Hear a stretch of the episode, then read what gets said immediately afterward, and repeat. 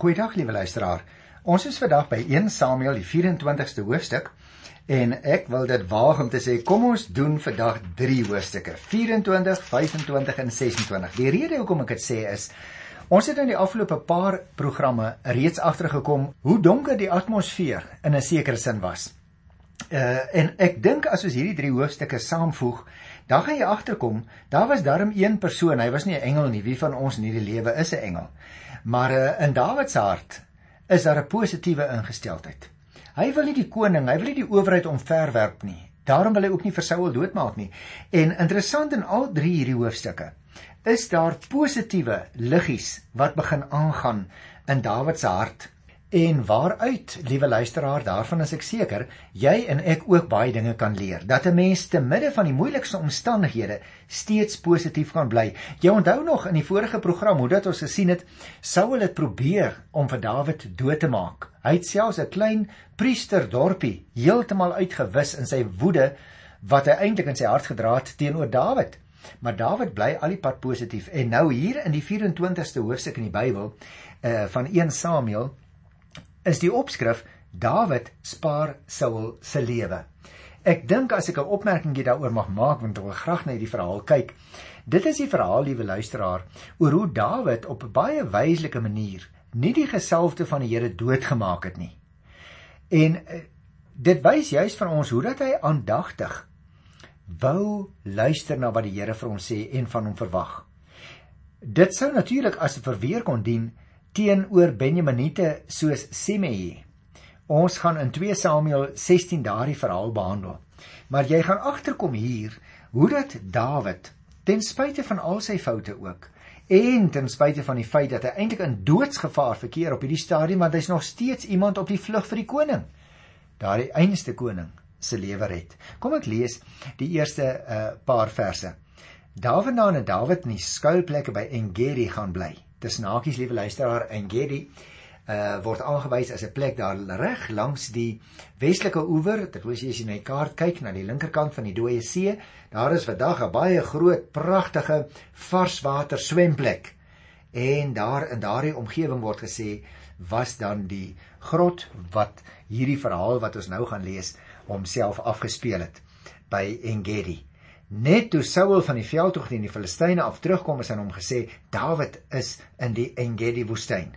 Saul het drie afdelings manskappe wat uitgesoek is uit die hele Israel gevat en gegaan om Dawid en sy manskappe op te spoor in die omgewing van die Klibbokrotse.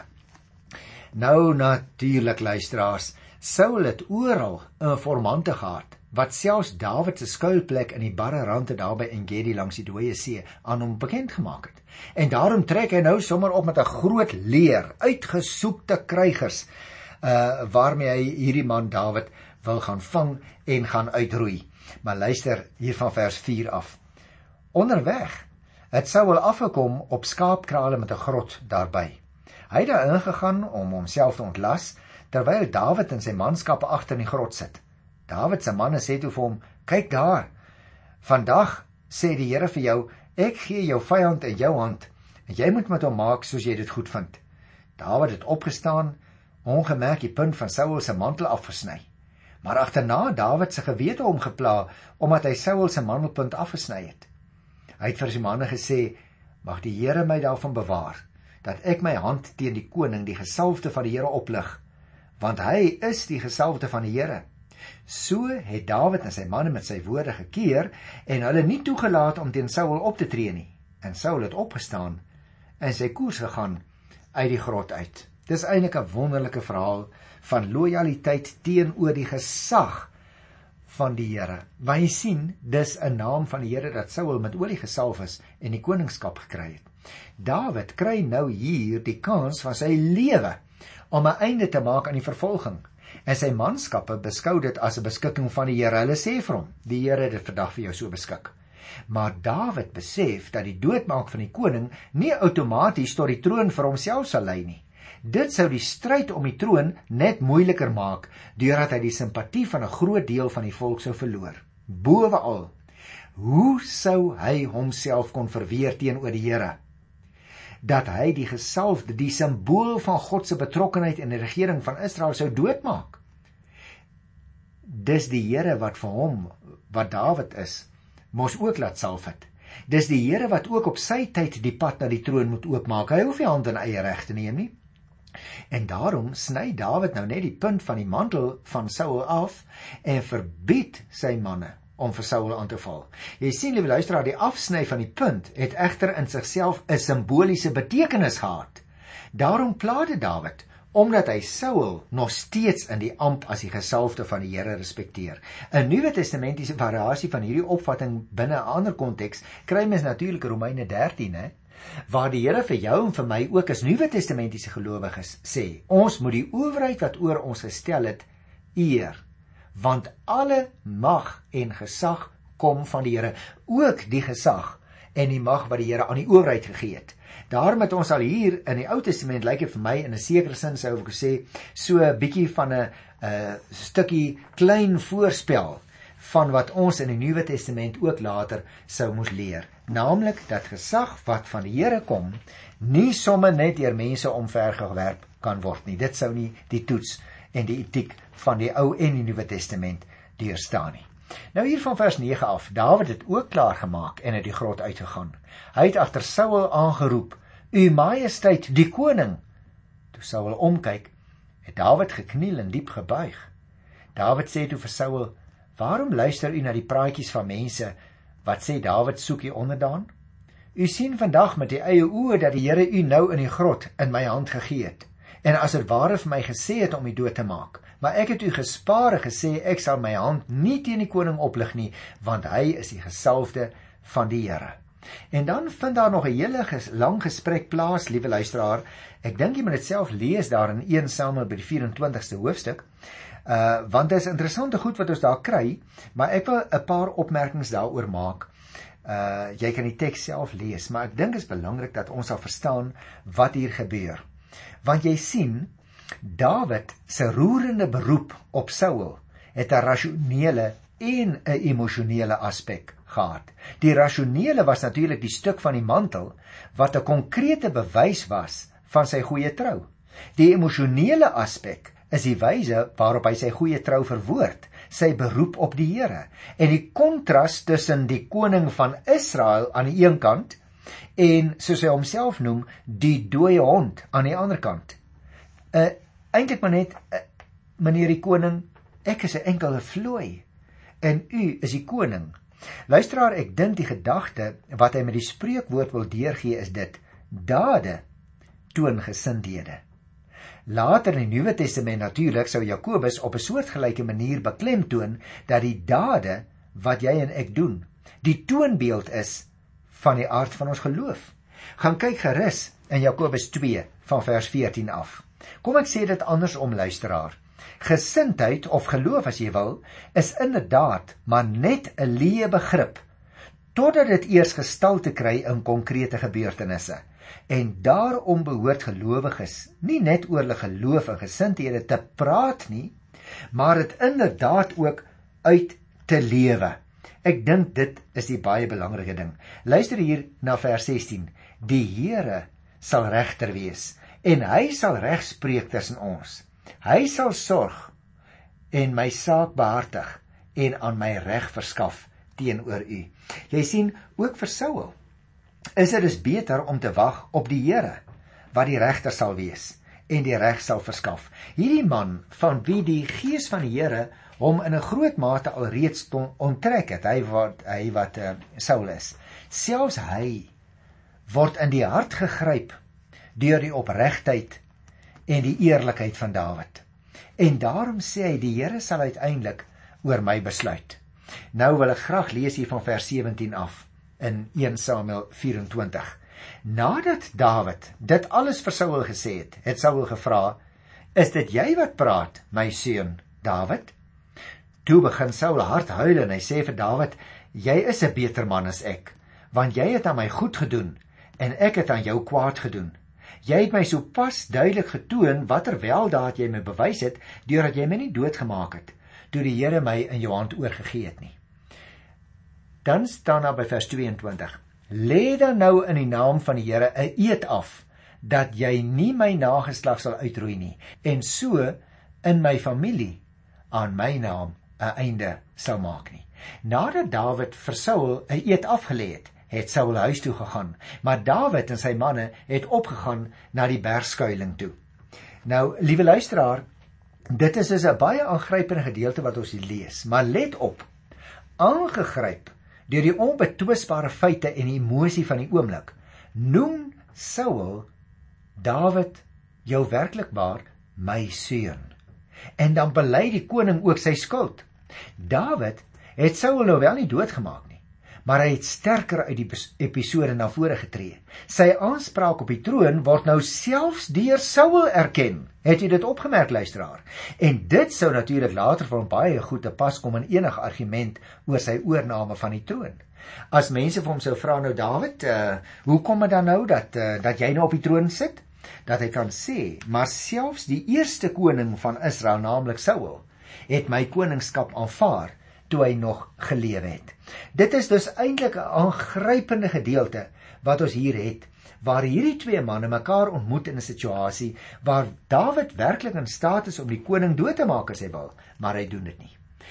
Nou kry ons 'n baie kort onderbrekingkie hier by 1 Samuel 25. As jy die Bybel voor jou het, sal jy sien die versie staan eintlik op homself. Daar staan net Samuel is oorlede en die hele Israel het bymekaar gekom en oor hom gerou. Hulle het hom begrawe by sy huis in Rama.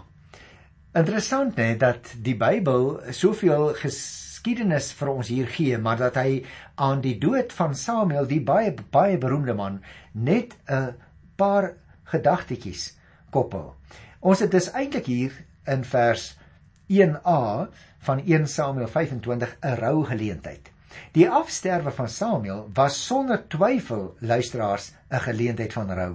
Enerzijds het dit die hoofstuk van rigter, profeet in Israel se geskiedenis afgesluit. Aan die ander kant het dit die nuwe bedeling van die koningskap oopgelaat, onbeslis tussen Saul en Dawid, want daardie taferele is nog glad nie klaar nie. Jy sien hierdie opmerking dink ek is nodig met die oog op hoofstuk 28 vers 3 wat ons nog sal behandel waar dit herhaal sal word en is bewys van die hoë eer wat die hele Israel aan Samuel betoon het ook in sy dood.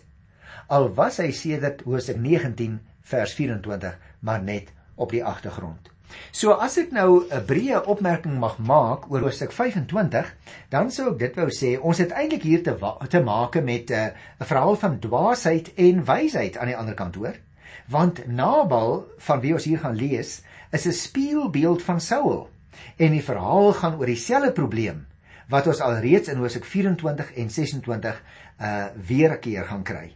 Die probleem is naamlik hier of Dawid self wraak moet neem en of hy geduldig moet wag dat God dit op sy tyd sal doen.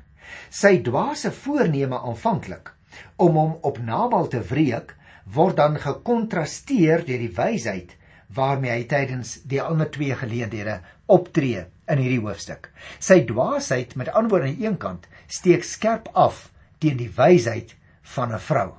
Kom ek uh, lees so 'n paar versies daarvan want ons kry hier in vers 3 die naam van die man was Nabal. Die naam van sy vrou was Abigail. Nou wie was hierdie twee mense?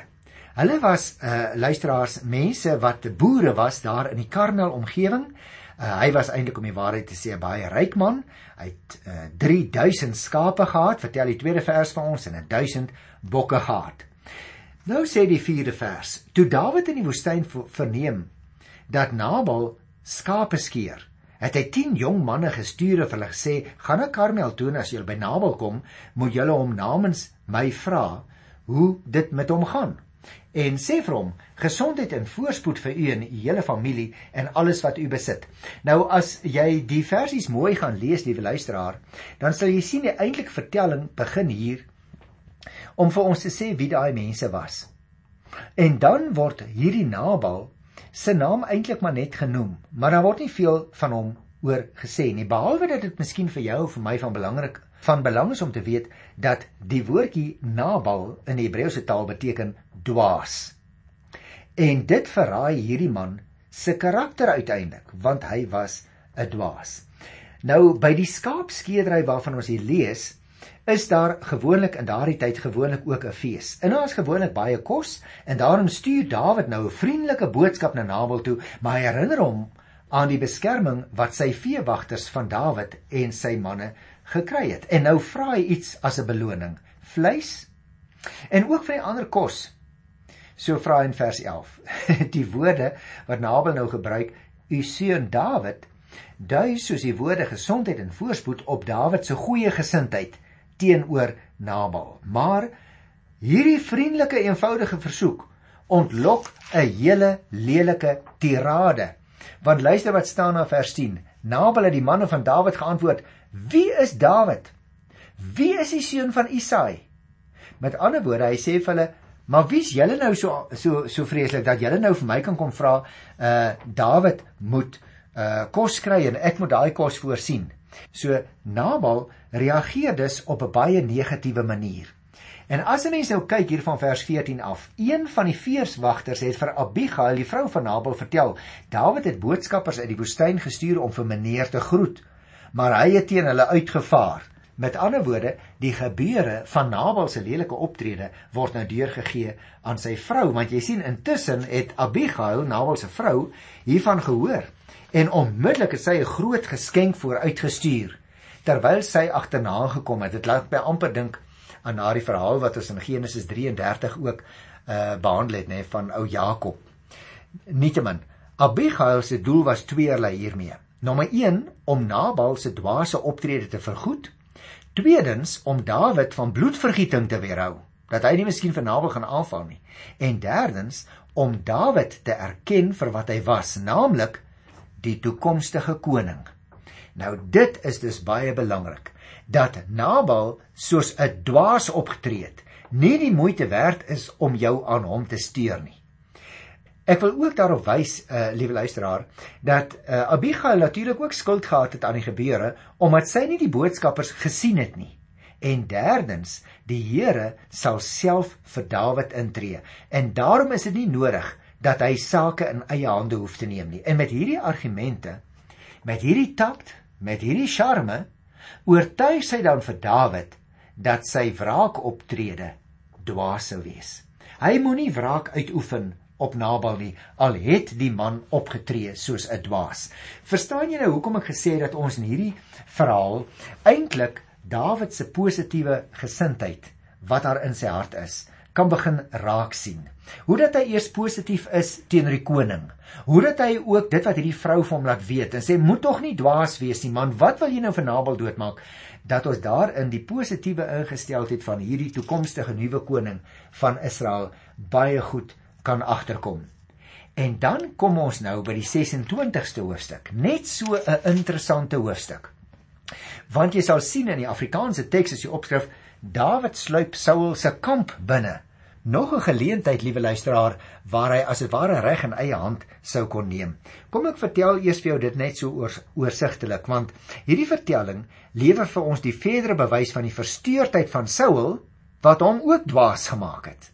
Daarom uh is dit my opvallend hierdie hierdie spel in die hele vertelling in die drie hoofstukke voortdurend van die wysheid van Dawid se optrede aan die een kant en die dwaasheid, die dwaasheid van Nabal en ook die dwaasheid wat ons uh, by Saul uh, sien hier veral in die 21ste vers dat ek uh, dit net eers gou vir jou lees.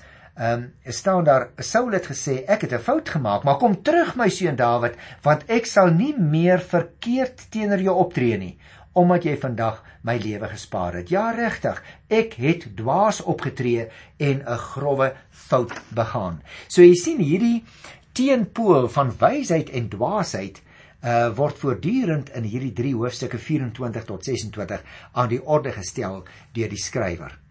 Dawid dus teenoor Saul het al die kenmerke van 'n bekwame leier. Hy's geskik vir die koninklike amp. Hy's 'n dapper man. Hy's planmatig, hy's onderdanig aan God en hy is wys in sy beskikkings. Nou liewe luisteraar, juis komende na die Nabal gebeure in die vorige hoofstuk, beklemtoon dit nou vir ons Dawid se vasberadenheid om nie 'n godsdienstige of 'n politieke dwaasheid te begaan nie, maar om die verloop van sy eie lewe in die hand van die Here te laat. En daarom wil ek eintlik maar afsluit deur net die laaste paar versies uh hier in 1 Samuel hoofstuk 26 vir jou uit te wys. Luister byvoorbeeld na die 19de vers. Maar nou moet die koning tog na my luister, so praat Dawid. As dit die Here is wat u teen my aanhits, bring dan vir die Here 'n offer. Maar as dit mense is wat u aanhits teen my, vervloek is hulle voor die Here, want hulle het my nou uitgedryf sodat ek voel asof ek nie meer aan die volk van die Here behoort nie. Hulle het gesê gaan dien vreemde gode. En liewe luisteraar, daar is juis een van die probleme dat omdat Saul nie meer geluister het na die stem van die Here nie, hy die presiese teenpool vorm van Dawid wat die nuwe koning gaan vorm. In vers 22 kom Dawid weer aan die woord. Luister dan, hy sê: "Hier is die koning se spies.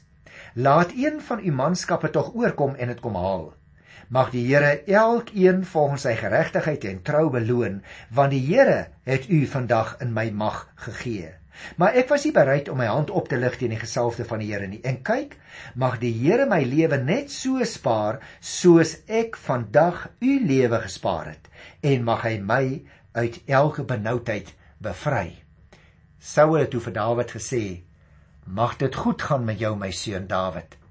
Jy sal van krag tot krag gaan en beslis ook die oorhand kry. Daarna het Dawid sy koers ingeslaan en Saul het omgedraai huis toe.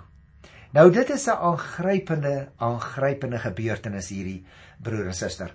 Want Dawid het nou al meer as een geleentheid. Jy onthou vorige keer in die grot kon hy Saul se lewe geneem het. Nou kon hy weer Saul se lewe geneem het. Die van selfsprekende boodskap van hierdie drie verhale, daarom het ek dit gesamentlik gedoen. Lyk vir my is van wysheid en dwaasheid wat as tema na vore kom. Die vertroue op God en sy regverdige oordeel. Jy sien liewe luisteraar, hierdie vertroue moet egter nie verwar word met uh laat God se water maar oor God se akker loop houding nie hoor. Die mens het natuurlik nog steeds bepaalde verantwoordelikhede binne die bepaling wat God oor ons lewe uitvoer. Binne sy vermoë moet die mens, ja, binne jou en my vermoë, moet ons alles moontlik doen om vergelding te vermy. Moet ons alles moontlik doen om tot insig te kom van wat die Here in ons lewe wil doen. Moet ons alles moontlik doen, liewe luisteraar, om verzoening te bewerk tussen mense wat in kwaai vriendskap lewe.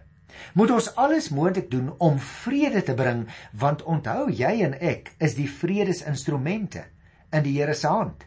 Dawid was so iemand wat nie wraak gesoek het nie, maar wat die vrede nagejaag het. Dit tussen hakies is immers die primêre taak van elke gelowige. As jy nou sou gaan lees in Matteus 5 vers 23 tot 24, dan sien jy daar ook dieselfde gedagte in die bergpreek teekom. Gelukkig is die vredemakers, né? Is jy 'n vredemaker? Hoe lyk jou lewe? Want as ek my lewe nou toets aan dit wat ons hier van Dawid lees, dan sê ek vir myself, hy is 'n baie goeie tipe. Ons praat in die taalkunde daarvan as tipologie. Met ander woorde, ons sien in hom bepaalde karaktertrekke soos wat jy en ek ook graag wil wees. Natuurlik luisteraars, hy het gruwelik gesondig later in sy lewe. Maar onthou jy en ek ook maar, selfs as ons sondig en ons daarvan bekeer en ons voor die Here verootmoedig en dit bely, dan vergewe die Here ons. Hierdie man Saul het nou byna teen die einde van sy lewe gekom en volgende program gaan ons hierdie verhaal afsluit. Dawid staan aan die begin van sy lewe en Helder in vandag se program in hierdie drie hoofstukke het dit vir ons baie duidelik gebleik hy is 'n tipe van 'n positiewe mens wat positief ingestel is en daardie gesindheid het deurgekom in sy hele optrede. Mag ek jou vra watter gesindheid kom deur in jou optrede elke dag? Ek groet jou in die wonderlike naam van ons koning tot volgende keer. Tot dan Totins,